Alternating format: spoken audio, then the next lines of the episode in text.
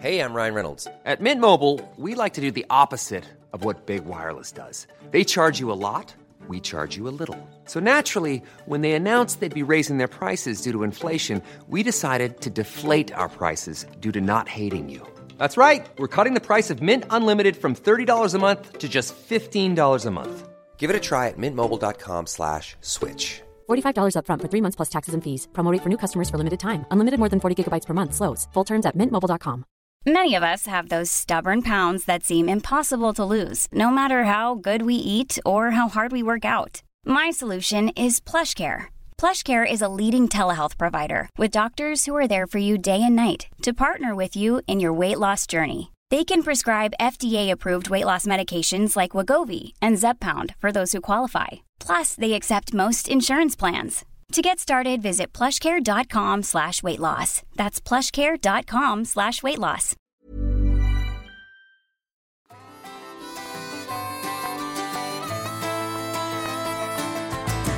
Hej och välkommen till ett nytt rykande färskt avsnitt av succépodden Toppen Jakt.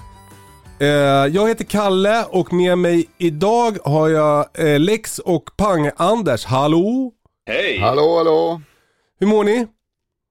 Eh, bra, jag är lite trött. Det är så tidigt morgon, sovit i en sommarstuga med bara brasvärme. Va? Har ni ingen el? Ja, men det är inte, kn- jo vi har el men vi har en liten värme som inte är uppelementer. Vi får köra med kamin, Jaha, sova i vardagsrummet. mysigt. fan, Ja, men det är mysigt. Ja, Men ni har sportlov eller? Ja, jag har sportlov så jag är nere i Västernorrland och eh, tittar till sommarstugan här en vecka Det, familjen. det är sjukt att du åker fem timmar till, Ja, till Sundsvall söderut. fem och en halv och så hade jag släp med skoter och det på så det tog ännu längre tid. nu. Men helvete. Plus att jag åker eh, 20 minuter hit för att spela in den här podden för att få täckning också. Vad är sjukast? Det, det, på skoter eller? ja, nej. tog Full Norrland experience. Men visst är det så i vanliga fall också om du ska ringa ett samtal eller något när du är hemma i Luleå menar jag? Ja, jo, jo, jo, jag får hitta ett berg. Ja. Alltså eh, jag var ju på sportlov förra veckan. Eh, jag- Vi åkte till Lofsdalen och obs, vi höll oss på vår egen kant. Det var liksom inget att vi höll på och gick och handlade och sånt där. Utan vi hade med oss alla grejer vi skulle ha för hela veckan. Eh, Men, och jag slogs av en grej som jag tänkte man, jag kunde ta upp i podden. Och det, det är det här med Gore-Tex. Ja. I fjällen har alla människor på sig Gore-Tex-kläder. Ja, vad roligt för jag hade ju sportlov eh, förra veckan med. Tänkte exakt samma sak. Att det där Alltså måste alla, dö alla, alla, alla, alla, alla har Gore-Tex. Och det är så Nej. jävla sjukt. För det är ju vinter, det är minusgrader, man behöver inte Gore-Tex. Nej. När, när ska det liksom så här, if- när ska någon ifrågasätta det? Ja, nu, vi börjar nu. Ja, tack. Ja, nej, med all rätt. Jag, jag tycker Gore-Tex är lite överskattat. Ja men det funkar ju bra om det regnar. Ja, alltså andas det är så himla bra. Nej det gör det inte. Nej, men, men, men, men typ om, man ska, om, så här, om jag ska ut på och fjällvandra, då kommer jag ju ta med mig Gore-Tex-kläder som en- någon slags säkerhet för att eh, kunna hålla mig torr om Ja. det blir dåligt väder. Ja. Eh, så, så om jag ska ju liksom ut över- på en lite längre tur och det kommer att spela roll om jag blir blöt in på kroppen eller inte. Då, då, då kommer jag ta med mig Gore-Tex för att kunna ta på mig om det är så att det blir det börjar regna. Men när det är minusgrader så behöver man ju inte det. Nej, då men då funkar det med bomull. Precis, och, och, och så, det är så himla populärt till exempel i skidbacken. Men det är ju ungefär lika funktionellt som att ta med sig en eh, vattenflaska när man tar en 20 minuters promenad. Det är så jävla överdrivet. Ja, nej. Och Gore-Tex-kängor är också överskattat. Ja, 100%. Nej, jag, jag, fast nu sitter jag med Gore-Tex-byxor på mig så att jag ska inte säga så mycket. Men, men nej, jag håller med. Vad fan är storheten med Gore-Tex? Ja men det är väl att det är vattentätt och att det andas lite grann. Ja, men fan. Jo, men när det väl blir blött så blir det ju dyngsurt länge. Men man blir också ofta blöt inifrån när man har Gore-Tex. Ja, eh, nog om det. Är det någon som har jagat någonting sen sist? Nej, Ja, inte jag. Ja, jag har jagat lite. Va, vad har du jagat Lex? Ja, men jag har, jag har ju eh, liksom så här minifastnat lite nu i brist på annat i det här med att smygjaga och jaga vildsvin natt eller ja, mörktid då. Med lite med termiskt och lite sådär. Vad kul! Ja. Alltså det är en ganska ny jaktform som, som eh, har börjat, när, när, när blev det tillåtet att jaga med termiska sikten? Åh, eh, det, eh, det får du fråga någon annan. Men jag Men kan... det är typ ett år sedan eller? Alltså det är ny, två år sedan. Ny, Det är Ja. väldigt nyligen. Ja, det känns som att det är, ja, det är ganska nytt. För mig är det i alla fall nytt. Men och för de som inte vet vad det här är, berätta. Vad är ett termiskt sikte? Ja, men, ja, men så kan jag bredda breddar också. Det finns ju, man kan ju, det har ju blivit tillåtet att jaga med bildförstärkande sikten, alltså digitala varianter och då termiska sikten. Alltså egentligen eh, hjälpmedel som, för, som eh, skapar en bild av eh, det du har framför dig trots att du inte kan se det med ögat. Eh, och just, eh, jag har fastnat för termiskt för att jag tycker det är typ härligt för att hitta eh, djuren liksom. Och det som man kan säga är begränsningen med termiskt är att du, det är egentligen bara tillåtet i mer öppna, typ åker och öppna landskap eller vad man ska säga. Okej. Eh, av eh, den enkla anledningen att det är svårt att bedöma kulfång och avstånd och lite sådana saker med, med termiskt. Oftast. Men om- Om man bara, bara så att alla är med. Termiskt är alltså värme... Man Ja, ser värmekällor. Ja, alltså som i precis. P- Predator, att man Ja. ser... eh, eh, det liksom blir rött där det är varmast och så orange och så gult typ. och så. Precis. Och, och bildförstärkande är att det blir mer som att alla ljus, att det förstärker ljuset. Så att även mörkt blir liksom lite ljust. Du kan få hjälp av IR-ljus då, till, alltså ljus i spektran som vi inte uppfattar med ögat. Men då kan du belysa målet med IR-ljus, vilket inte kanske då stör djuren och så vidare. Men, eh, men som ger en jäkligt bra bild i ditt digitala sikte då. Okej. Men du kör på värme, värmesikte. Mm. Har du lyckats skjuta någonting då? Nej, jag har inte det. Men ehm, jag har ändå dragit en del. I och för sig, jo, det har jag visst. Jag har ju visst skjutit med termiskt. Eh, men inte sista veckan däremot. Eh, och min eh, lärdom i alla fall är att man behöver nödvändigtvis inte använda liksom, ja, skiten för att skjuta med. Utan man kan ha det för att hitta djur med. Och sen så funkar det oftast jäkligt bra med bara typ vanligt vitt ljus eller så.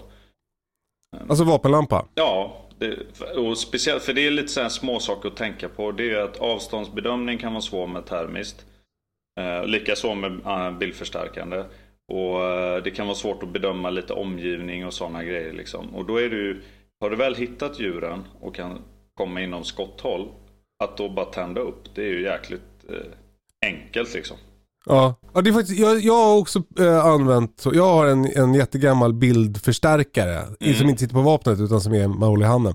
Mm. Och, de, och den, eh, det är bra för att kunna identifiera djur. Eh, och sen så använder jag lampa när jag skjuter. Ja, Det tycker jag funkar svinbra. mm. ja det tycker jag För, med. för det där att hålla på att spana av med lampa, det känns som att då riskerar man att, skrämma viltet. Tycker Ja, jag i alla fall. Mm. Men det, det där är ju också väldigt olika. Ibland så känns det som att vildsvin skiter i lampan. Och Mm. ibland känns det som att de blir jätterädda för lampan. Jag kan är tänka mig att om de väl har börjat förknippa liksom, lampa med död. Då kommer man ju få en annan. De är så himla läraktiga. Ja, så första jag, jag hade också blivit rädd liksom. för ljus då. Om jag förknippar det med död. ja, men de är ändå de är ju läraktiga helt klart. Det är ju Ja. snack om det. Men, eh, men jag själv har valt, för det, vet, frågan kanske kommer. Själv har jag valt just nu att jag har ett, eh, en kikare som jag kan montera med ett bajonettfäste på kikarsiktet. Som man då kalibrerar och håller på så det funkar med att man träffar där man ska och så vidare. Så då kan man gå och hålla den i handen och leta och titta och sen så när man har lust att skjuta då kan man sätta på det på vapnet eller då tända upp. Okej. Eh, Det känns ju som en läcker lösning men som sagt jag har inte skjutit något med det än riktigt så jag, eh, jag testar och tränar typ. Jag Men och om man då ska säga, eh, om någon lyssnar och undrar vad det är för märke och sådär. Vad, vad heter det? Ja, det här heter Pulsar. ja. Eh, Jag har inte superkoll på liksom vad det finns. Det finns ju eh, en uppsjö med sånt här. Eh, Och det är precis som med all annan optik. Man får ungefär det man betalar för. Alltså det är ju, oftast är det så att ju dyrare det är desto bättre är det. Men just nu så upplever jag själv att Pulsar är, de är väldigt prisvärda. Vad kostar din då? Nypris är väl en 35. Helvete Ja, vad det är helt Fy sjukt. fan. Och jag köpte min bäggad. Men just därför också kan jag väl tänka att man, man behöver värdera det innan. Vad har man för behov? Kan man köpa en, en eh, begagnad pryl för 5000 spänn för att detektera och sen tända upp en uh, grym vapenlampa. Alltså Ja. vad fasen, det funkar ju förmodligen jättebra. Det kan Ja. vara svårare med uppföljningsskott och sådana här saker när man eh, skjuter med ljus. För då ofta blir det lite rökigt och reflektor, alltså lite problem med att skjuta ett snabbt andra skott. Men Ja. det bygger väl ändå på att man ska skjuta ett bra första skott. Ja men oftast I, i den här typen av jakt så, så får man oftast ganska bra lägen för att man kan, djuren är hyfsat still Mm. och det går att få till ganska bra skott. Ja, precis. Det blir inga drevskott direkt. Men är det bara gris man får jaga med det eller är det vinket vilt? Alltså allt jaktbart vilt? Ja, just det. Nej, bara gris. Ja, ja. Så det är inget för dig Pang-Anders? Nej, nej, alltså det är av två anledningar. Jag är jättedålig på såna grejer. Jag fattar inte hur de funkar. Och sen känns det lite fusk. Jag, Ja. Alltså jag måste ändå säga det, lite fusk. Ja. Ja, men jag, det- jag kan förstå. Det där är så spännande tycker jag. För, för jag, jag förstår var du kommer ifrån. Och, och, men, men sa- samtidigt så, du vet, för 60 år sedan då tyckte väl gubbarna att det var fusk att ha kikarsikte. Mm.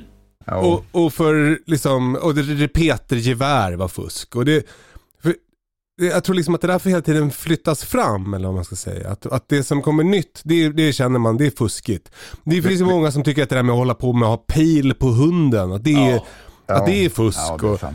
Vi får Så- återkomma om ett, två år. Så får vi ta upp ämnet igen och se om jag tycker att det är Precis. fusk. Alltså, Nej, men- Anders men- är ju inte en early adopter, han är mer en late adopter.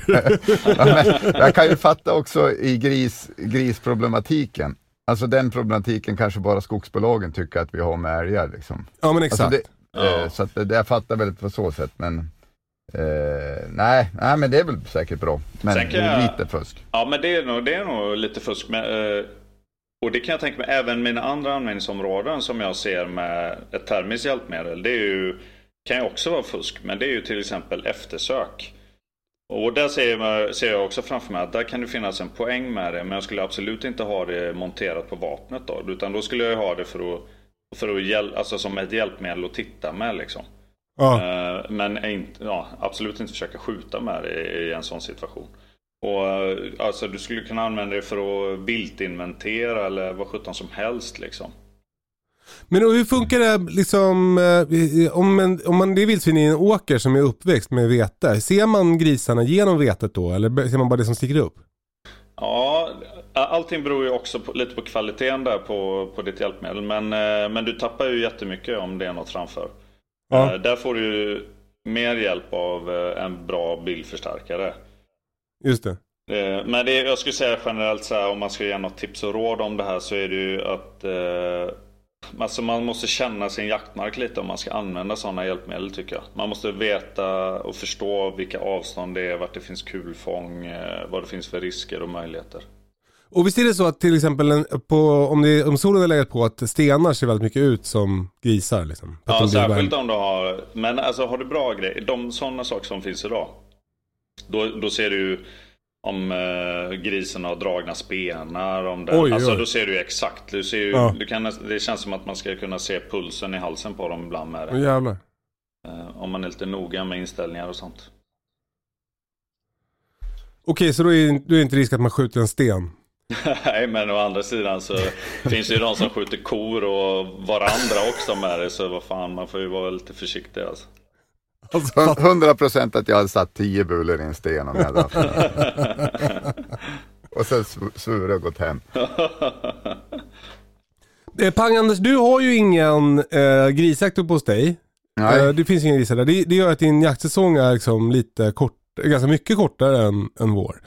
Ja, precis. Framförallt i år känns det som att den varit jättekort med coronan och allt och att jag inte kunde resa ner till er så mycket som jag hade hoppats på. Ja men exakt. Ja det är tråkigt. Men, men snart drar ju bäverjakten igång. Är det någonting du kommer Mm. hålla på med? Ja, eh, det tänker jag för att eh, den här sommarstugan, vi har ju köpt en ny sommarstuga och eh, den ligger egentligen bara 300 meter från våran gamla. Men nu har jag sjötomt 4 hektar mark ner mot sjön där. Ja. Och det, där är det stora problem med bäver. Så att, eh, i, I maj så tänker jag i alla fall att jag ska försöka komma åt den där. Som är på mina ägor och biter och gnager och har sig på mina träd. Stora problem eller Ja. stora möjligheter? Ja, både och. Det där är ju nästan Det- den bästa typen av jakt när man, när man känner att man löser ett problem. Det är lite samma Ja. som med grisjakten. Att man gör någon en tjänst Ja. när man jagar. Men för jag har ju skickat ut till er nu, det vet inte lyssnarna, att jag vill att ni ska komma upp och hjälpa mig att röja och grejer. Men där glömde jag, jag fick jävla dåligt gensvar, speciellt från er två. Men då tänkte jag jag måste lägga till bäverjakt Oh. den helgen, för att den ska skjutas. Ja. Den måste bort. Ja, kul. Så att då kanske ni hugger mer på det. Ja, jag, är ledsen, jag, jag är ledsen att jag inte svarade. Jag, jag, eh, men jag Ja, kommer men, jättegärna. Kan vi inte Ja, men, köra eh, ett poddavsnitt där också? Det kanske blir vårt första sån här avsnitt där vi kör typ After Hunt eh, Real Life med långburk. Ja, Åh, ja gud, men det låter bra. Det kan vara Ja, men jag tycker, jag har inte jagat bäver så här jättemycket, två, tre gånger tror jag. Ja. Att jag har jagat det. Eh, inte jätteframgångsrikt. Eh, Du har inte skjutit någon bäver? Nej, det har jag Det- inte gjort. Synd. Ja. Det, så att jag tror att eh, du har ju skjutit bäver va? Jo, det har du gjort. Mm, jag har skjutit bäver. Eh, gör första, gången, ja, men första gången jag jagade bäver så var jag i... Då blev uppbjuden av en kille som följde mig på Instagram. Och då hade jag ju precis eh, eh, hakat, har sagt ja till att följa med er Anders och, och jaga. Så jag var liksom lite hög på den här grejen. Det verkar, gå skit, det verkar bli svinbra att åka och träffa folk eh, som hör av sig på Instagram. Så då gjorde jag det igen. Eh, en kille som heter Robert Klöver som eh, eh, bor uppe vid Dalälven. I Dalarna. Eh, Han bjöd upp eh, mig och Lill-Ove. Vi åkte upp dit och, och jagade bäver. Det var, det var svinhärligt. Alltså dels så tycker jag bäverjakt är så himla härligt för att det är en så härlig tid på året. Att det är de här eh, liksom ljusa vårkvällarna när man är Ja. ute och fåglarna kvittrar. Och det är som, det är som ett, en, ett jättehärligt tillfälle att liksom, ah, vad fan nu säger jag det bara, supa in vår, liksom naturen. Ja. Eh, Så det tycker jag är superhärligt. Och det, så var det där. Och vi, vi åkte båt på Dalälven. Eh, och som spanade. Och sen så, så man såg en bäver så fick man försöka vänta tills den gick upp på land och då skjuta från båten. Man får skjuta från båt va? Så att inte, Ja, Ja, inte, men ni hade ju inte någon motor på va? nej exakt. Nej, precis. Ja, då är det ju långt. Ja bra. Puh. Annars hade jag ju åkt i fäng- fängelse nu. varför, varför väntar man tills de är på land då? Är det Nej, därför att de sjunker ju annars. Ja. Så, eh, alltså Men det... nej, vad fan, gör de verkligen det? Ja men det Eller där är ju bara lite olika. Jag, ja, men jag tror liksom att det där, det kan nog gå både och. Det är väl som med säl, att man, ibland så sjunker de, ibland så flyter de. Det var ju något snack när man var yngre om att bävrarna, skadesköt man dem så åkte de ner och, och bet sig fast i någon stock och sen vart de kvar där nere. Men jag vet inte. Jag har ju sett massa som skjuter dem i, i vattnet liksom. Och, Ja, ja. ja men då så. Ja det kanske var något jag blev ilurad då. Jag, jag har bara skjutit bävrar på land. ja, det är väl säkrare förmodligen. Ja. Men och det Det var jättespännande för då, vi hade ju som en liten eka som vi rodde där längs Dalälven och, och jag, eh, eh, jag är ju ganska stor så jag ska försöka hitta någon bra skjutställning i fören på den där båten och skjuta. Det var ju typ 140 meter och så båten guppar lite och så skulle jag ligga helt ihopvikt i fören. Men det gick bra. Det var en innan jag skytt. hade, nej det är verkligen inte, men det var innan jag hade skaffat så här fina vapen. Jag hade någon gammal, min gamla Husqvarna då. Så då, då, då sköt jag bättre än jag gör nu när jag har så flott vapen. Ja. Eh, Men jag tycker också att det är kul med bäver. Alltså dels så, så det här med att det är en härlig tid på året och att det blir som en, en när man inte har så mycket annan jakt. Men sen så är ju skinnen jättefina. Eh, Så, så jag tog tillvara på dem. Jag har en som en fäll som jag har på väggen och sen har jag en som jag har som ett sittunderlag och det är ju ashärligt. Ja. Eh, det, det, det, sen är det ju eh, kul att äta dem också. Eh, rökt Ja. bäver är ju, rökt bäverstek är ju supergott. Alltså, Fan, det har jag aldrig testat. lår har jag hört om bara, men eh, okej. Vad, eh, vad tar man inte rätt på, vad tar man rätt på då? Nej men vi, jag tog bara rätt på stekarna liksom, alltså lår, låren. Rövköttlarna? Ja, det, De slänger man. Nej, de ja men det där är ju det är också en grej man kan göra med, eh, med bäver, att man kan göra sprit ju. Ja, för, ja, eh, precis. Man kan i alla fall smaksätta sprit. Och det är ju Ja. fan en jävla höjdare alltså. Vad tycker du om det Pang-Anders? Nej, nej, nej. Alltså det är det absolut vidrigaste. Jag kan inte ens lukta på det utan att spy. Det går inte. Alltså, ja, jag, vet inte, jag, jag vet inte om vi kan dra, vi pratade ju lite jag och Lex innan här om vi ska dra den historien. Om dra den. Vilken historia då? Eh, rävhistorien. Berätta. Alltså, får jag bara eh, säga Anders, för att säga vad, as we speak nu så har jag ju ett rävskinn liggandes på bordet bredvid mig för jag har precis fått tillbaka det eh, från garvning och sånt. Det är ju räven som du säkert vill berätta om. Ja, jag vill, för jag tänker att det kan bli en bra historia, men eh, du får ju stoppa mig. Det är ju, eh, ja, ja, ja. Nej, men det var så här att när vi var och jagade toppfågel eh, uppe i Brink där, det var kanske två år sedan eller något där. Eh, så har ju Lex alltid med sig, jag tror det var du som hade med dig bäverhojt, Mm. eller bävergäll. Bäverhojt heter det va, eller? Nej, jag vet inte. Men kärt barn. Ja, ja, ja, men pinade i mig någon sån där och, ah, fy fan. Och sen så vart det ju sån här hets att jag skulle dricka en till. Ni tyckte ju att det där var jättekul. Och eh, Lex då på kvällen innan hade du ju skjutit en räv som du hade suttit och vakat på i flera timmar där och kämpat med och var ju så jävla nöjd när du kom hem där och släpade in den där och vi var gratulera och allting. Och sen la ju du den där utanför kojan.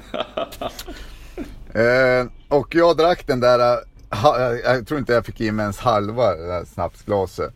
Och så kände jag bara hur det vände sig i magen, alltså det var för jävligt. Det var som att, nej det här går inte, alltså jag kan inte hålla i. Jag var inte så full liksom, utan jag var, jag, jag tycker ändå att det, det gick bara inte. Det bara vred sig i magen och så bara sprang jag ju ut mot, ut mot dörren.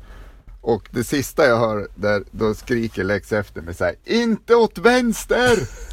Och så jag bara direkt, alltså jag hörde bara vänster så jag bara ner och så eh, jordens kaskadspya rakt ner vänster utanför dörren. Där låg räven i sin prakt på snön. Så jag lägger då hela spyan över räven. Eh, men Alltså- det var lite, det var lite en hämnd för eh, att ni höll på att försöka tvinga in med bävergäll. eller Alltså det känns bäverhoj. inte riktigt respektfullt mot viltet kan jag tycka. Nej, nej men, det var, men det var inte meningen. Det var inte för att jag såg räven tänkte nu jävlar ska jag spy på den där jäveln. Och det var så... jag- för fan. Alltså den var ju på väg upp eh, fyra meter från dörren så jag fick ju som hålla mig hela vägen ut. Ja, det kanske var äckligt att berätta det, men det var och sen vart det en liten grej och, det, och det, det var ju inte helt okomplicerat Lex. Nej, Eller? nej, nej. Alltså, jo det var det väl. Alltså, det, var ju, det har ju blivit en jävla rolig grej som, åt, som kommer då och då. Men det var ju lite det låg ju typ eh, ganska länge och tina i mitt garage den här frusna stackars räven. och, och sen det luktar ju fan då när man ska flå den. Alltså det luktar ju bra mycket värre än vanligt. Men jag flådde Ja. den enligt konstens alla regler och sen så visste jag inte riktigt vem jag skulle skicka det till. Så jag först frös jag in det och jag hade ju jävla ångest för vem vill liksom så här behandla ett nedspytt skinn. så det tog ju något år innan jag liksom fick tummen ur och skickade det på beredning. Men Fick de bort fått- spyan då eller? Ja men alltså nu, vad fan de tvättar väl och håller på ändå så egentligen gör det väl ingen skillnad. Men nu, eh, jag fick tillbaka det nyligen, det är ju skitfint. Det är ju Ja. jäkla härligt med en vinterräv liksom. Undrar om det kanske går att garva skinn med bävergällspya. Ja men det kan ju varit, eh, det kanske blev extra bra. Det var, det var ju så marinerad med palt och eh, magsyra och lite nudlar eller något där. Ja. Nej men det, så var det med det. Sen dess har jag inte druckit där. Jag tänker fan, eh, ja, jag, ja jag har jävligt svårt för det. det är liksom, jag luktar bara på glaset dagen efter så går det, vänder sig magen på. Ja det där är ju en grej som vi brukar hålla på med när vi jagar toppfågel. Att man ska, på, att man ska dricka den där spriten och Ja. alla mår alltid jätte, jätte dåligt. Sist var det väl James som, Ja, stackarn. som blev knäckt. Vi får lägga upp lite bilder på Faces of Yell på Instagram. Men vad roligt, nu blir ju alla råpepp på att jaga bäver i alla fall. Ja, nej men alltså bä- jag, vill, jag vill liksom sjunga bäverns lov lite mer för att bäver har ju historiskt sett varit ett väldigt viktigt vilt. Alltså dels för skinnen men, jag, ja, det här håller jag på att tjata om, jag kanske har sagt det här förut. Men, men jag läste en bok om Lewis and Clark, alltså de som upptäckte, upptäckte som, de, de första som tog sig från östkust till västkust i USA. Eh, d- på Missouri-floden. Och de, de, eh, det, då är så här, det, det var så otroligt mycket djur och de var liksom inte rädda heller för de hade aldrig sett några människor. Så de sköt ju så här jättemycket elk tror jag och olika hjortar och så här. Eh, Så, för, eh, det var det enda de åt. Så de åt bara viltkött hela tiden. Eh, och man måste, det är ju väldigt magert kött så de måste äta väldigt, väldigt mycket kött. Så de åt typ fyra kilo kött om dagen eller sånt där. Och då var de så trötta på det så då längtade de, det de längtade mest efter var bäversvans. Åh jäklar. Är det För det är ju, fett? Ja, det är, bara, det är som en fett, eh, det är bara fett. Så, så det var liksom det, det godaste de kunde tänka sig när de höll på att åt det här magra viltköttet. Så, och då blev jag så sugen på att smaka bäversvans. Och eh, en gång när eh, jag och Britta gjorde ett tv-program, det här som hette eh, Kalles och Brittas sexliv. Då, då träffade vi några som ledde stenålders eh, liv i skogen utanför Järna. Och då fick vi, eh, då fick vi äta bäver och bland annat bäversvans. Som, eh, som bara hade legat bredvid en eld. Så, så den var liksom bara som grillad bredvid. Ah. Ja, det kommer jag ihåg. Det såg jag. Men, Men var det, det- gott då? Ja men alltså jag, var så, jag hade så otroligt höga förväntningar. Jag trodde det skulle smaka som, ja, men som märg eller som, ja, men som fett med. Men det, det Mm. var liksom annorlunda i konsistensen. Det var, det var som, eh, ett, som äpple. Jaha. Alltså hårt. Så kn- eh, som det Mhm. knastrade när man tuggade på det. Så jag blev liksom lite besviken. Och sen hade man inget salt på stenåldern. Så, så det kanske var det också. Eh, så jag, jag blev lite besviken på bäversvans. Men, men om du liksom vill eh, hedra en eh, historia av uh, upptäckarlust. Så då tycker jag du ska äta även svansen på din bäver du skjuter i år. Det blir grymt. Vi kommer och uh, skjuter bäver och eh, röjer på din tomt och så vidare. Och sen så Ja. käkar vi bäversvans. Men eh, hur fan är det här? Får jag, får jag, får jaga, får jag jaga hela sjön om jag äger, det här kanske inte vi har, men kanske någon kan skriva om. Får jag jaga hela sjön om jag har x antal meter mark som vetter ut i sjön? Eller får jag bara jaga från min mark, ner i sjön? Ja, det är ingen som vet. Du måste ha jakträtt på sjön. Alltså sjön, vem är det som äger sjön? Nej men det är väl olika, alltså vadå äger sjön? Det måste ju vara, det är ju olika markägare som äger mark som går ner i sjön, tänker jag. Jag tror att även sjön ingår i någons mark. Ja, ja, ja det Det löser där får vi kolla upp. Ja, Vi lovar att kolla upp det innan vi skjuter. Mm, det ska vi göra, absolut. Ja, nej men eh, det är också lite härligt det här pälsjägarkänslan kanske med bäver. Ja. ja drömmen är ju att göra en jacka av bäverskinn. Ja, ja. Eller en sån här Joey Crocker, vad hette han? Mössa? David Crockett. David Crockett kanske. Men vad ska man, Det- göra, ska man göra det med bäver då? Det är David Crockett, det är, det är, är äh, räv. tvätt, tvättbjörn han har. Tvättbjörn kanske är. Det är David Crockett jag har på magen, min magtatuering. Mhm. Men jag var tvungen att göra om honom lite för att han, eh, jag läste på lite om David Crockett, han var sjukt osoft mot uh, ursprungsbefolkningen i USA. Så, så jag tog bort eh, den här tvättbjörnsmössan och eh, gjorde om, han hade kniven, han, det är från en barnbok min den här magtatueringen. Ja. Eh, och eh, kniven som, den ser ut som en sabel så jag visade tatueraren en bild på fäll, kniven F1. Så fick, så fick han göra en sån istället. Men nog om det. ja. Hörni, eh, eh, eh, det här är ju liksom, även om det finns jakt och, och hitta nu så är det ju lite lågsäsong, framförallt för oss som har hund. Ja. Och Ja. eh, jag själv kämpar lite med det där att, eh, för de börjar ju bli rätt understimulerade hundarna nu. Jajamän. Eh, och ganska jobbiga och eh, hoppiga och eh, slåss och jävlas. Hur gör ni för att aktivera era hundar under lågsäsong? Eh, nej men jag, jag har ju börjat åka mycket skidor. Jag har ju åkt en del skidor innan men nu så har jag börjat åka skidor med Humlan och det funkar superbra. Eh, I alla fall eh, alltså fysiskt trött. De är ju svåra att och, eh, liksom, trötta ut fysiskt tycker jag. Så det, men, men det är ju en svinhärlig grej verkligen.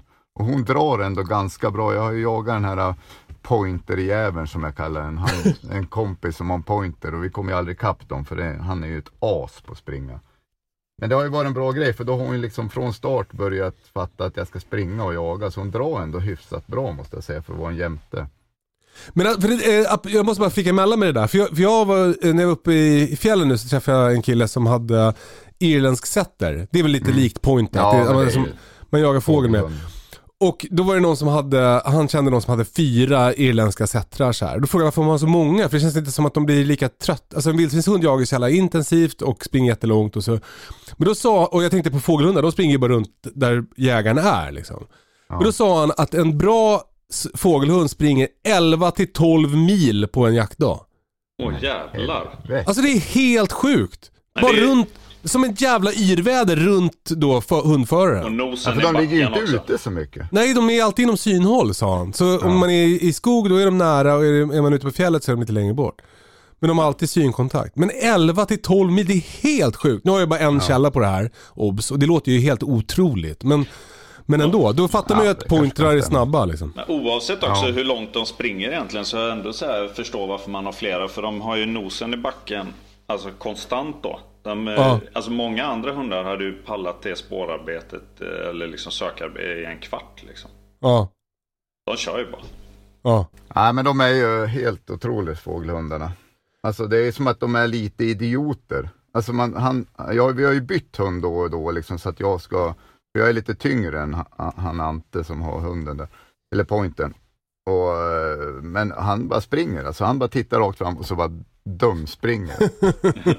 Kul stil. och så är de, ja, men sen är de ju så här kraftiga också, point. Han är ganska stor den här, så han är ju stark. Och, men i alla fall, jo men skidor har jag ju som fysisk grej då, kör några mil i veckan.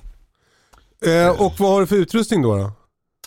Ja, då har jag ju skidor, stavar, en dragsele på humlan och en sån här flexilina och en, eh, en sån här bälte, ett, ett dragbälte kan man säga som går ner under röven och runt så det sitter fast. Annars kan det hasa upp ganska mycket på magen. Okej, Ja, alltså som en klättersele typ. ja typ, ja precis. Men och vad är det för flexikoppel? Är det något som åker in och ut alltså? Ja, men det är som att det är ett, ett, vad ska jag säga, ett gummiband då, eller man säger. Just det, det är inte ett sånt där, som ett, fle- när du säger flexikoppel tänker jag på en sån här som rullar upp sig. Nej, nej, förlåt. Nej, såklart. Eh, Men ett, ett expanderlina, vad heter de? Alltså en elastisk, ett Ja. elastiskt koppel. Så att det inte blir de här stumma rycken liksom. Just det. Och, och när det gäller dragselen, har, har är det en sån där som, som gör att eh, eh, som fästpunkten hamnar bakom rumpan på hunden eller? Ja, precis. Ja. Mm. Så den är bak i svansroten. Just Det det. man, det, jag har ju haft lite olika selar på olika hundar hit och dit, men de funkar ju helt klart bäst när man ska dra och det är liksom ett ganska hårt tryck.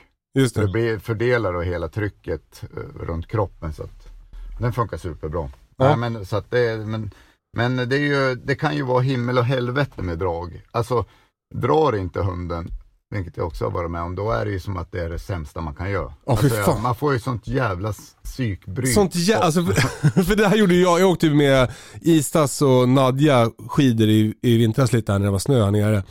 Det var så jävla, vi- jag blev så förbannad. Alltså, vi, vi, vi kom ju hem och vi var liksom mer osams än vi någonsin har varit jag och hundarna. De bara sprang åt alla jävla håll, stannade, satte sig ner, sprang runt mina ben så jag bara välte. Tog alla spår, det var ju så mycket vilt här nere också så det, det var ju spår överallt. Så, så fort det kom ett harspår då bara, och ut åt sidan. Jag var så förbannad. Ja, alltså man, det finns nästan ingen som kan göra en så förbannad. Så, för att man tänker så här, fan vad härligt, nu ska ni få springa och jag Ja. ska få åka bak. Och så bara, eh, och, och, nej jag vet inte. Och det går ju så mycket, det går ju sämre då att åka skidor än om man hade skitiga hundar. Ja. Alltså det har ju en linjävel som går in mellan benen bak och det stavar. Och, och när man blir man ju förbannad och då märker de ju det så blir det bara ännu mer dåligt liksom. Och de springer och tittar på en och bara, bara Ja, och så blir man arg och då blir de, de blir oroliga och då springer de ännu sämre. Och så. Men alltså, det, finns ju, det finns ju egentligen, alltså finns nog ingenting bättre än att få, för att få dem att verkligen dra. Det är ju det du har gjort Pang-Anders. Alltså att de har en, antingen synretning eller i alla fall en liksom doft eller lukttunnel att springa i. Att de får, deras jaktinstinkt kickar in. Då spring, då drar de ju liksom. Alltså du menar att pointen framför gör att de... Ja, det, det tror jag. Det, för det är klassiskt i draghund. När man ska få hundarna att verkligen vilja dra och fatta vad man gör. Och sen blir nästa grej då att så fort de inte drar, då kopplar man loss dem. Alltså då, då får du springa bredvid eller någonting. Utan så länge du drar, då får du Så springa kopplar loss framför. dem så springer och jagar. ja vad fan det men går ju inte, då ja, drar de ju Ja iväg. men så då kopplar man dem i halsbandet och, Ja, ja. och typ kör det som en promenad då. Men inget lajande utan eh, streck i linan liksom. Då är Ja, vi klara. Så att det bara är en sak som gäller liksom. Jag har ju faktiskt eh, lärt in humlan att hon, hon kan ju ibland som tröttna, alltså hon blir less. Det är inte som att hon blir trött fysiskt men då kan jag som dutta henne med staven i rumpan, alltså inte något hårt alls, ni kan vara helt lugna. Och så säger jag bara japp, japp. Och sen har jag gjort så kanske 50 gånger. Så nu behöver jag som bara säga japp, japp, då ökar hon igen och så drar hon på. Ja men coolt. Ja. Eh, och sen nu kör jag henne utan att ha den här pointerjäveln framför mig. Eh, och då märker jag det går ner sig och sen kom, helt plötsligt kan hon ju bara börja dra på som fan ibland. Då vet man ju, nu är det någon hund längre fram och det är ju precis som Lex säger, så eller om vi kommer in i vindtunneln efter någon annan hund och det märker man ju, det blir ett an, helt annat drag. Ja, just det. Ja. Men sen blir ju nästa grej då att lära sig köra om den hunden utan att de stannar upp och där är, är vi inte riktigt än. Alltså mardröm och trä- alltså om jag skulle åka med mina hundar och vi skulle träffa en annan hund, då skulle det bli fullt kaos. Ja. Nej men det är kul. Det är ju, nu har det varit lite kallt och sådär men jag vet inte, det sägs ju 15-15, är det så det Är det de graderna man ska tänka på när man ska träna hundar? Det hörde jag om kossor. Jag, jag, jag håller på att ska, kanske ska skaffa kor. Och då, då, det, då sa han som jag snackade med, han, han sa att kossor mår bäst mellan 15 minus 15 plus.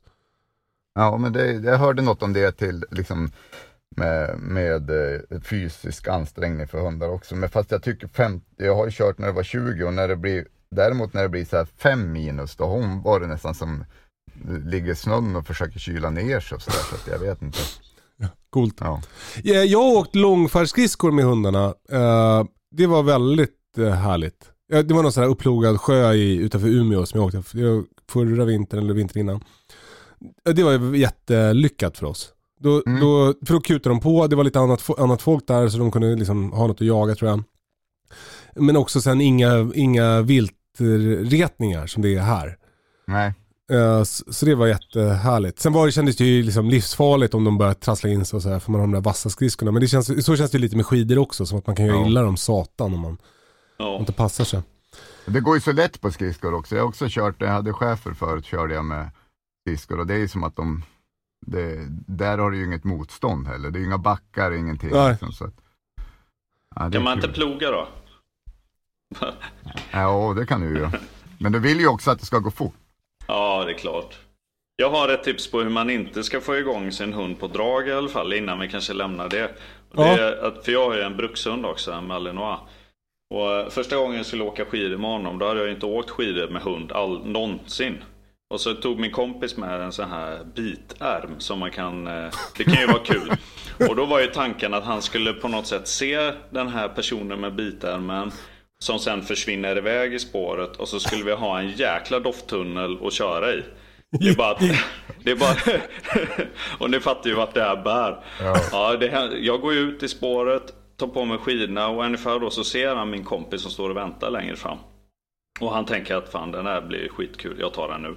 Så han drar ju och jag åker bara efter, jag åker på röven. Jag, kan- jag kan ju inte ens säga åt honom att stanna, han hade väl skitit i det men jag låg ju och, och garva och skrek samtidigt. Och, och han som skulle dra iväg, han började ju garva så mycket så han kommer ju ingen vart heller. Så min hund sitter ju i ärmen inom kort. Och han har ju redan fått på sig stavar och sånt så han får ju inte av ärmen heller. Och, och att han skulle lossa på mitt kommando, det kunde jag ju glömma liksom. Så man, när vi liksom till slut har fått slitit av staven och han har fått, liksom hunden har fått vinning i den här dumheten och fått ärmen och allt det där och så. Det är ju inte en person kvar på hela den här skidstadion. Alla har ju bara moonwalkat därifrån. Ja, ja det var... Jag, men apropå, jag, jag tror faktiskt att Lill-Ove har vunnit typ SM i skidor med draghund. Stämmer Ja, inte det? Visst är det ja. så? Jo, Det stämmer. Skönt att han inte var med idag när vi ja det var om det. skönt. Vi fick glänsa lite här. Ja. Vad körde han med för Det hund är då? typiskt Lill-Ove att skryta om det också. Eller Ja, men han kör ju med eh, Malinois. Det finns ju en klass till sen och det är väl eh, i princip bara, tror jag, forstrar. Alltså de är ju, det är ju som den här pointjäveln eller något då. Det är ju Ja. Fågelhundarna, de är ju överjävliga. Kul att ni nämner forstrar, för eh, jag har ju nämligen en forstre på besök. Ja visst ja. Mm. Hur går Eh, det där? ja, men det- löv. Eh, Jag har eh, tagit hit min kompis Martins eh, forste, strävhåriga forste Buck.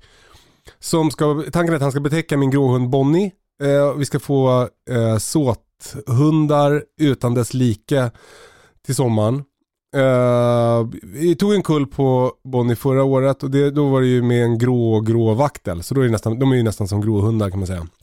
Men nu ska det alltså bli en, en mer, eh, mer förkontakt, ännu mer förkontakt och eh, lite mer eh, fart kanske. Alltså lite längre ben och sådär. Eh, Alltså vi, vi, jag kom hem från fjällen, vi har haft hundvakt då och då såg jag att Bonnie löpte. Hon, jag trodde, förra året så löpte hon ju i, i slutet på januari så jag, jag har gått och väntat lite på att hon ska börja löpa. Men, men, och varit såhär, fan det kanske blir inget nu, får man vänta till i sommar och så här. Och så har jag en lång lista med folk som vill ha valpar. Så, så jag har haft, varit lite stressad över det där. Men så jag blev glad när jag kom hem från fjällen och såg att hon löpte. Men då, då vet jag inte när det började för jag har ju varit borta en vecka liksom.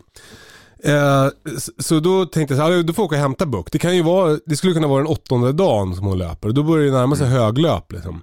Är det åttonde dagen från att de börjar blöda? Ja, jag, jag tror man brukar säga tionde, tolfte, tolfte dagen typ. Ja, Det är då det, det, är, då det är som höglöp. höglöpet. Mm. Men det där är också väldigt olika. Eh, Släpper de men- till när det inte är läge då? Nej, det, ja, precis. Det då? ja, det är det som är grejen. Alltså det är väldigt tydligt när de är i höglöp. För då är det bara, då är det smack liksom. Då, då är tiken peppad. Annars är hon arg. Och jag har ju parat både Kakan med Sniper då. eh, För att få Nadja och då, var det, då hade jag också Sniper på över typ en vecka hos oss. Och då, det var bara, Kakan var arg, arg, arg, arg, arg. Tills en dag då bara satt de ihop. Eh, och det var samma sak med, med Bonnie i fjol. Jag vet inte om jag berättade den historien men då, då, då så var det, jag skulle göra eftersök på en jakt i slutet på januari och då såg jag att då var det blod efter Bonnie så då löpte hon.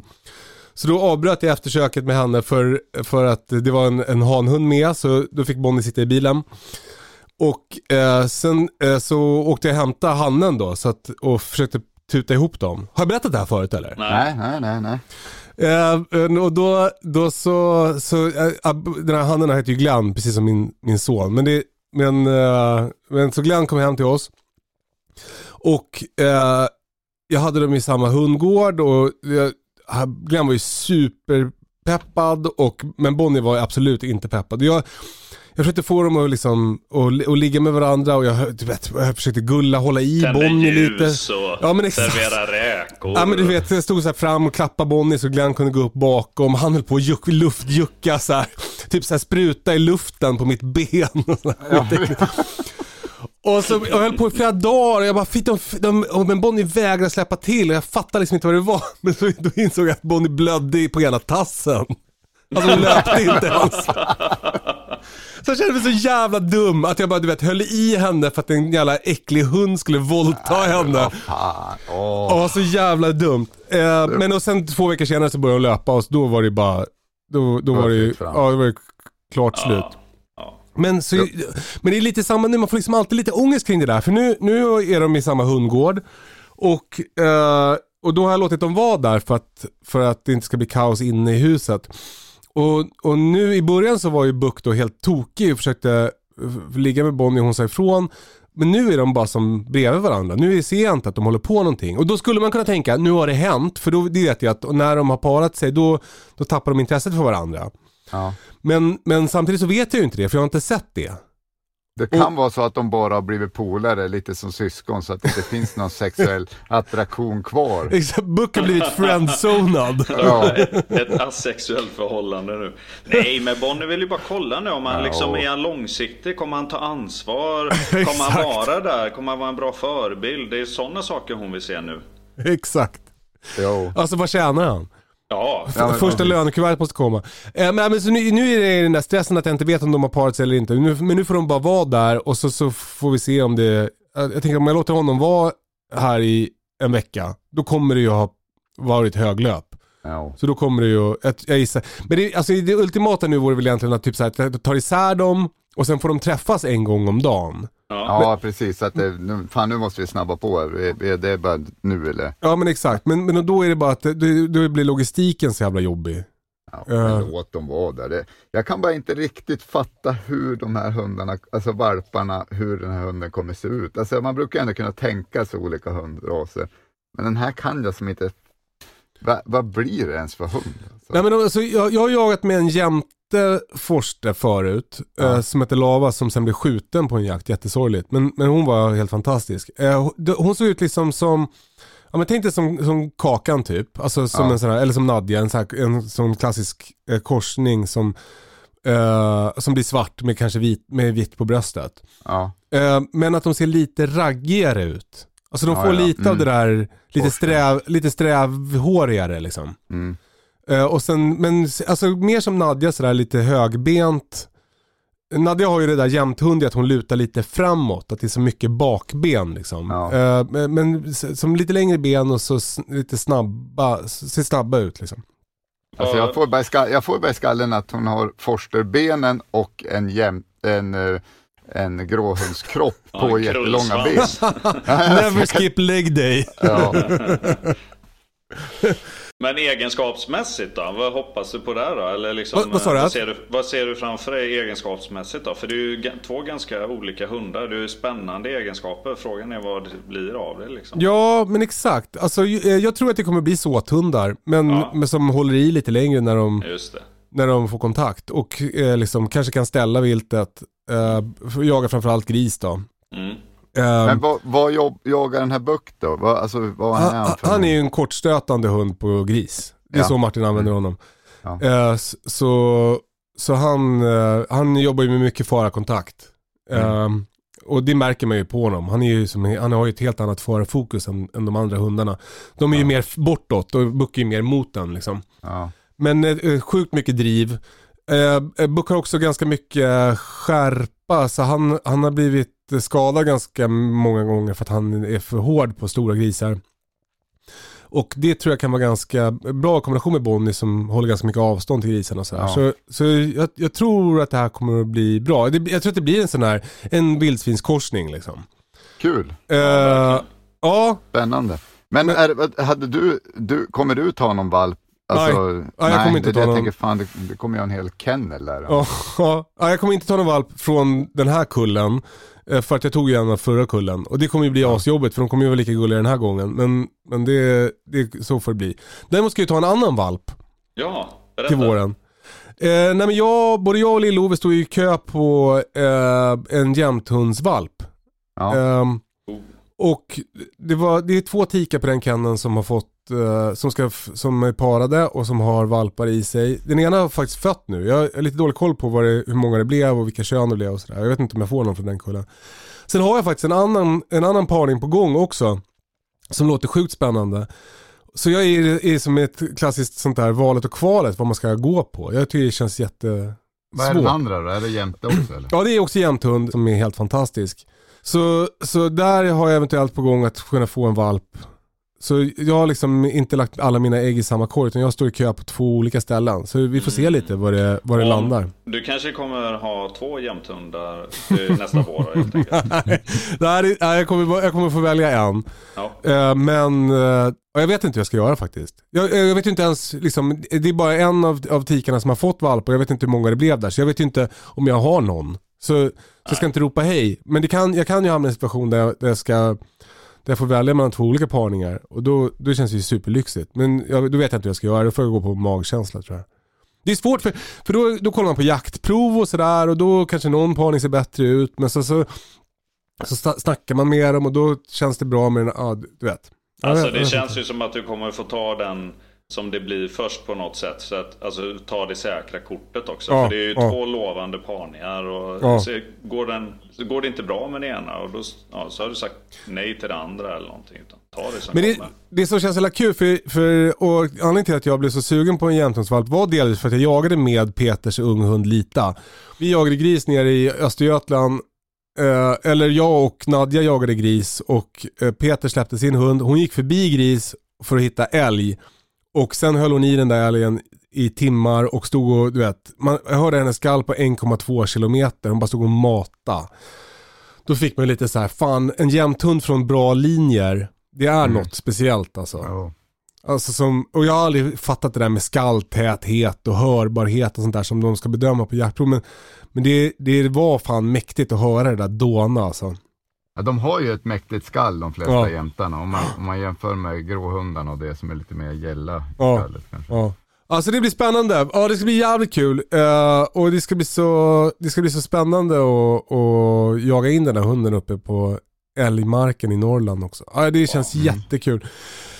Det som, det blir ju, lär inte bli någonting i år för den här hunden kan man väl inte jaga med förrän, ja, eventuellt då i, i januari. Men då, då är det ju, då är det ju slut på älgjakten där uppe antagligen. Så, så det blir väl till nästa säsong. Ja men hur resonerar du där då? För det där är ju lite, alltså hon kommer ju vara väldigt, hon eller han eller vad det blir. Ja, hon eh, är tanken. för ung för att kanske alltså om vi ska bortse från din och min, eh, den här eh, hetsen, alltså o, otåligheten. Så Ja. man, om man håller sig nu då, hon, säg att hon är sex månader till hösten då, eller något Ja, där, eller? ja. Ja. Ja, Ja, inte ens jag det. Fan, hon är ju- ja, någonstans där. Det är ju lite ungt ändå. Ja, men, men eh, ska du skit, då, då måste du ju hålla det från att släppa om på gris i januari. Ja men det kommer jag nog försöka göra. Alltså jag, jag, jag, jag, jag, om jag känner mig själv rätt så tror jag att jag kommer släppa den någon gång på, på Mm. älgmarken i höst. Alltså bara för att hon ska få kuta lite. Det gjorde jag med Ja. Nadja också kommer jag ihåg. Nadja var ju bara, hon föddes i slutet på mars, släppte den i september. Då gick ju hon, hittade hon en älg och gick tre kilometer med den eller något sånt. Hon var ju typ stor Jo. som en, en necessär. Så då, då tänkte jag, det här kommer ju bli kul att jaga med. Ehm, men så, jag tror att jag kommer ha svårt att låta bli att göra den, den grejen. Men det gör väl ingenting. Alltså skillnaden mellan vad som är jakt och vad som är injagning och prägling och skogsträning och sånt. Det blir ju ganska hårfin i början. Det handlar väl Ja. mer om att inte skjuta på liksom fel grejer och alltså. Ja, men och sen är det, så, hunden är väl bra eller? det som är så härligt med att jaga upp i, eh, uppåt i landet, det är att det är så det är väldigt tacksamt. För det finns ju inte så mycket farliga grejer. Det finns inte så mycket farliga vägar till exempel. Det Nej. finns inga farliga grisar. Det finns inte jättemycket vilt så att de blir trånga i söket. Utan det är, det är, man, de, det är den marken man vill jaga på sen. Och då, då får de in det, liksom, då lär de sig ju det sättet att jaga också. Mm. Så, så det, det man, jag vet inte fan. Men- vad är man är rädd för att de ska bli sparkade av en Ja, arg... men alltså undrar, jag, jag kan inte statistiken där på hur många, man hör, alltså hur många älghundar som blir ihjälsparkade av älgar kontra hur många eh, grishundar som blir ihjälstuckna av grisar. Jag vet inte vad, det är säkert fler grisar men det är ju inte ovanligt liksom att de ändå, säger jag som ändå släppte humlan hon var sex månader, men, men, men eh, man ska ju ändå vara lite, lite försiktig kanske. Ja. Men Ja, för jag, menar- jag, alltså jag har aldrig hört om någon hund som har blivit ihjälsparkad. Är, är det inte något man bara säger? Är det någonting som ja, händer? kanske det, jag vet inte. Jo, men det finns ju, det finns ju statistik att kolla. Eh, Och vildsvinsskadorna är som du säger, det är ju helt klart mest. Men det är, sen kommer ju en hel del älgskador med. Men alltså, dödsfallen är ju inte så vanliga på varken eller. Men det är ju, det är ju ändå så här, ett, det kanske blir ett bagage som den hunden bär med sig. Så det Ja, vill alltså, man inte. Du Ja. lär ju ha en jävligt hård hund om den ska första gången träffa på en älg få en riktig jävla känga i skallen och sen springer den dit igen. Och, Ja. alltså, är Ja men fast så funkar ju mina grishundar. De har ju blivit eh, sprättade av vildsvin. De blir ju nästan bättre av det. De blir som, alltså jag, både Kaken och Bonnie har ju fortsatt att jaga gris som om det inte fanns någon morgondag.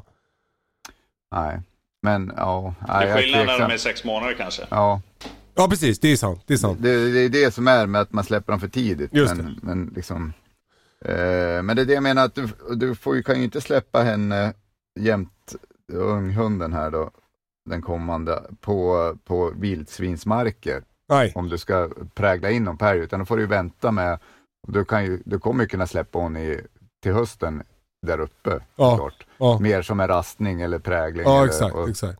Så det blir kul att ha, ta framåt till döälgar och sånt där. Det Ja men exakt. Ja, det ska bli superkul. Och sen eh, båda, de, båda de här eh, valpspåren som jag har, det är ju björnlinjer. Mm.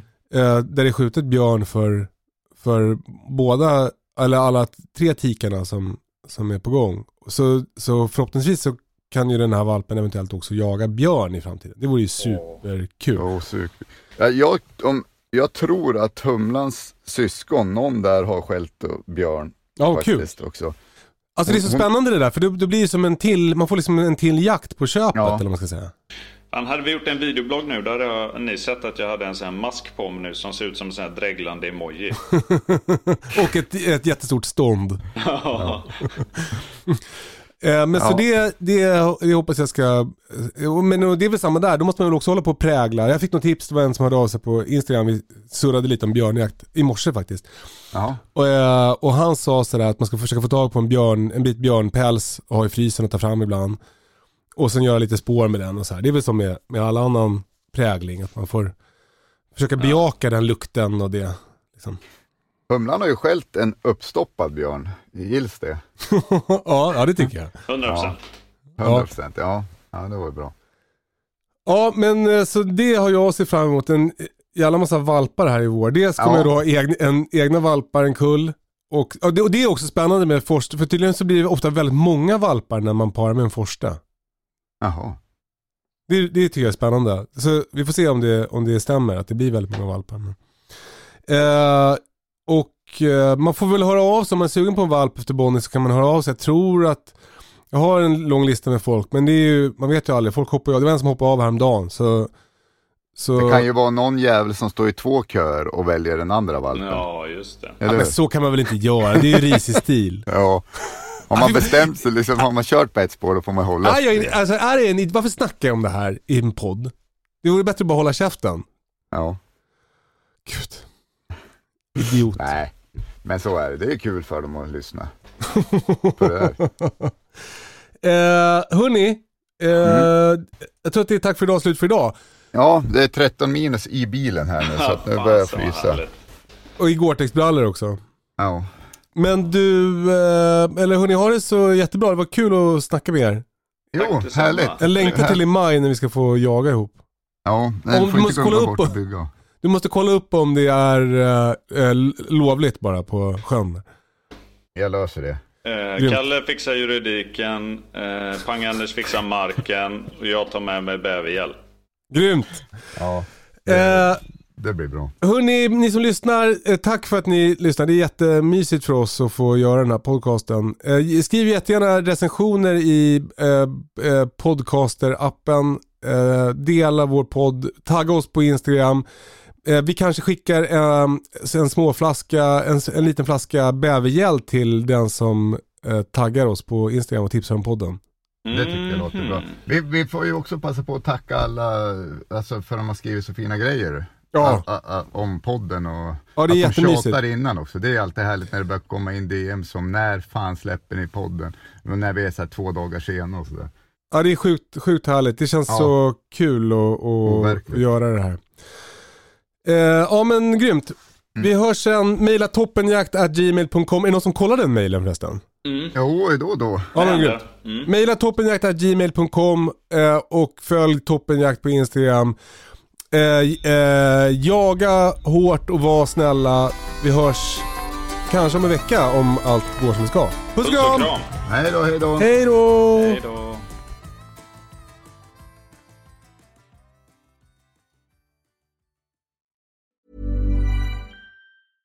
Ever catch yourself eating the same flavorless dinner three days in a row? Dreaming of something better? Well, HelloFresh is your guilt-free dream come true, baby. It's me, Kiki Palmer. Let's wake up those taste buds with hot, juicy pecan-crusted chicken or garlic butter shrimp scampi. Mm. Hello Fresh. Stop dreaming of all the delicious possibilities and dig in at HelloFresh.com. Let's get this dinner party started. Even when we're on a budget, we still deserve nice things. Quince is a place to scoop up stunning high-end goods for 50 to 80% less than similar brands. They have buttery soft cashmere sweaters starting at $50, luxurious Italian leather bags, and so much more. Plus, Quince only works with factories that use safe, ethical, and responsible manufacturing. Get the high-end goods you'll love without the high price tag with Quince.